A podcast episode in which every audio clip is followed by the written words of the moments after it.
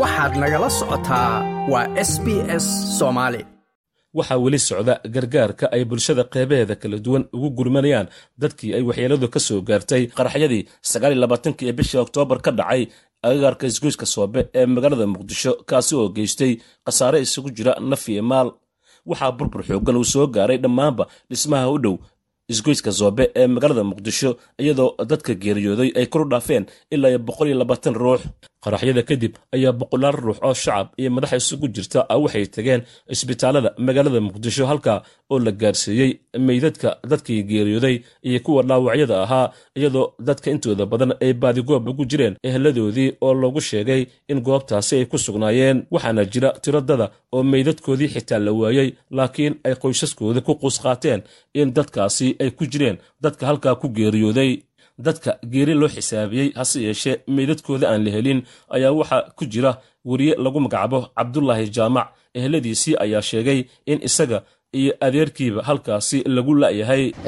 Halkan waxaan ku weynay walaalkay maxamed duwane cali dheed iyo adeerkayga cabdulaahi jaamac cali dheed.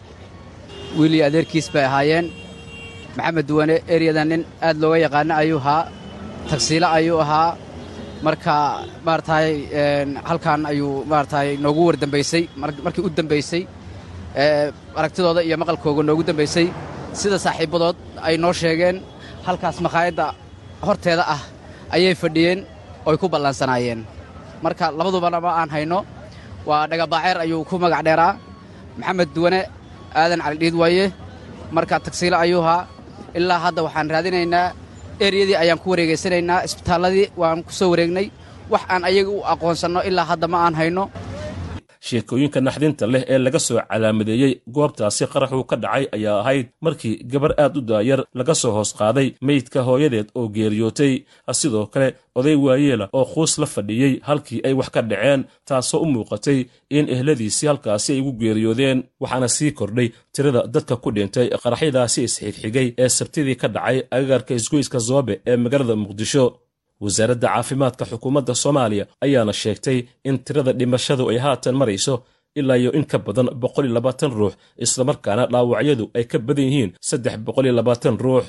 Dhanka kale waxaa socda gurmad loo samaynayo dadka ay dhibaatadu ka soo gaartay qaraxyadaasi lagu hoobtay ee ka dhacay magaalada muqdisho dowladda ayaa magacowday guddi heer wasiiro ah kuwa isku dubarida howlaha gurmadka ah ee socda waxaana guddoomiye looga dhigay wasiirka caafimaadka ee xukuumadda soomaaliya doctor cali xaaji. Wasiirka caafimaadka ayaana sheegay in qaar ka mid ah dadkii dhaawacmay laga saaray isbitaalka. Wasiirka oo xarunta wasaaradda shir jileed ku qabtay ayaa waxa uu ka warbixiyey tirada dhimashada guud ahaan iyo kuwa dhaawacmay. Dhimashada guud qaraxyadaasi inta wasaaradda iyo guddiga gurmadka diiwaan geliyeen waxay ahayd boqol iyo kow iyo labaatan. Dhaawacyada guud ee la diiwaan geliyena waxay ahaayeen isbitaallada ay qabteen saddex boqol soddon iyo saddex. Inta hadda isbitaallada ku harsan waxay marayaan boqol afartan iyo labo oo maaragtay lixdan iyo kow ay ku jiraan isbitaal madiina soddon iyo shanna ay ku jiraan isbitaal rajab tayib ordogan digfer qaarkood ayaa maaragtay xoogaa xaaladooda ay adag tahay. Maanta waxaa qorshaysneed in diyaarad qaado afar qof oo ambalas ah inay turkiga soo diraan oo afar qof oo maarata ugu daran oo jifa isbitaal rajab tayib ordogan inay qaadaan ah qorshaysneed diyaaraddii dib ay u dhacday maanta. Ogolaashaha soomaridda hawada etoobiya ayaa xoogaa ka soo dib dhacay sida naloo sheegay marka waxay ku soo aadi lahayd xilli habeen ah haddii ay soo baxdo. Marka saa darteed dib ay u dhacday berito ayay imaanaysaa diyaaraddaas afar qof ayaana u qorshaysan inay qaado oo isbitaal rajab ordogan yaallo. Afarta qofna waxaa go'aamiyey oo u dalba diyaaradda maaragtay isbitaalka iyo maamulka caafimaadka.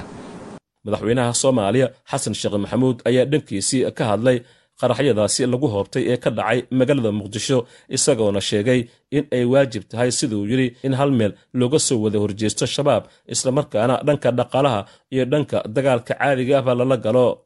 Soomaaliya maanta waa shabaab iyo nin shabaab ama gabar shabaab la diriraysa waay wax kale oo meesha yaalla ma laha. Yaan wakti looga dhumi yaan wakti laydinkaga dhuminin shacabka soomaaliyeed ee sharafta lahow yaan laydin beenguurin kuwa fulayga noqdana waxaan leeyahay ka soo noqda. Waxaan rabaa hadalkayga inaan ku soo gebagabeeyo tacaawanuu cala albiri waataqwa walaa tacaawanuu cala alithmi waalcudwaan annaga inteenaan meesha taagan iyo ummadda soomaaliyeed meel kastoo ay joogto wanaagsan kuwa horaan nahay. Tacaawanuu cala albiri waataqwa kuwa kalene waxay isku isku kaalmaysteen waa tacaawanuu cala alithmi waalcudwaan adiga inteed joogtaa marka? Labadaas kaamaa furane. Kaamka saddexaad ood joogi kartid waa xaggee. Kaam saddexaad oo meeshaas ka furan ma jiro. Walaalaha soomaaliyeed ee sharafta badan meel kastaa joogaan waa u mahad celinaa kuwa banaanka u soo istaagay. Muxuu ahay la dagaalanka al-shabaab ee xoogooda iyo xoolahooda iyo caqligooda ugu soo istaagay. In badanana aayaadka muxuu ahay qur'aan kariimka ay ka hadleen kuwa u soo istaaga banaanka difaacidda difaacidda dowladnimada. Difaacidda diinta difaacidda dadka intaasaan isku bahaysan ra'iisul wasaaraha soomaaliya xamse cabdi barre ayaa waxa uu ballan qaaday in loo aargudi doono sida uu yidhi shacabkii ay maleeshiyaadku shabaabka ku xasuuqeen qaraxyadii ka dhacay zobe sagaaliylabaatankii bisha oktoobar. Ra'iisul wasaaraha ayaa shacabka u sheegay in al-shabaab markii laga soo adkaaday siduu yidhi ay bilaabeen inay si toosa shacabka u xasuuqaan oo ay ka argoostaan haweenka carruurta iyo sidoo kale odayaasha siduu hadalka u dhigay. Marka waxaan ugu baaqayaa runtii dadka soomaaliyeed marka koowaad dadka soomaaliyeed waxaan leeyahay khawaarijta haddaad rabteen nooca yihiin in laydin fasara haddaad rabteen midabkooda haddaad rabteen waa kuwaas. Xalka keliya lehin waa inaan la dagaalannaa xalka keliya lehin waa inaan iska xoraynaa sidaa darteed dagaal baa ku socda markaan furumihii looga soo adkaaday sidaad idinkuba og tihiin oo bannaankii looga soo adkaaday iyo dagaalkii foolka foolka ahaa ayay inoo soo daba mareen oo ay laynayaan oy ka aargoosanayaan hooyada iyo dhallaanka iyo odayga iyo gabdhaha soomaaliyeed ee ilmahooda ku korsanaya inay yaanyada ay iibsadaan ay iibiyaan ayay ka aargoosanayaan. Marka nimanka noocaas marka u fakeraya oo dhaqankooda uu sidaa yahay waxaan ballan qaadaynaa in loo aargudo dadka soomaaliyeed. Waa loo aargudaya. Dalkana go'aan aan ka soo noqosho lahayn waaye nimankaas dalka in laga xoreeyo.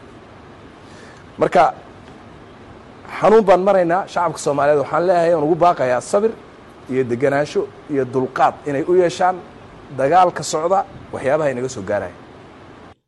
Daladda waxbarashada gobolka banaadir ayaa sheegtay in ardayda ay waalidiintooda ku geeriyoodeen qaraxyadaasi ay u samayn doonaan adeegyo waxbarasho oo lacag la'aana islamarkaana ay arrimahaasi ka kaalmayn doonaan.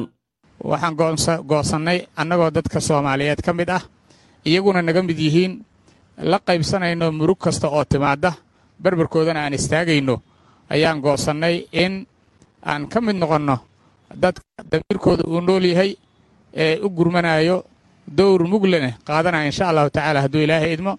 Marka waxaan rabnaa taa inaan muujinno tii kale wax dheefka ahaydna insha allahu tacaala waan ku guda jirnaa sida ugu dhaqsaha badanneh inaan gacan ka geysanno.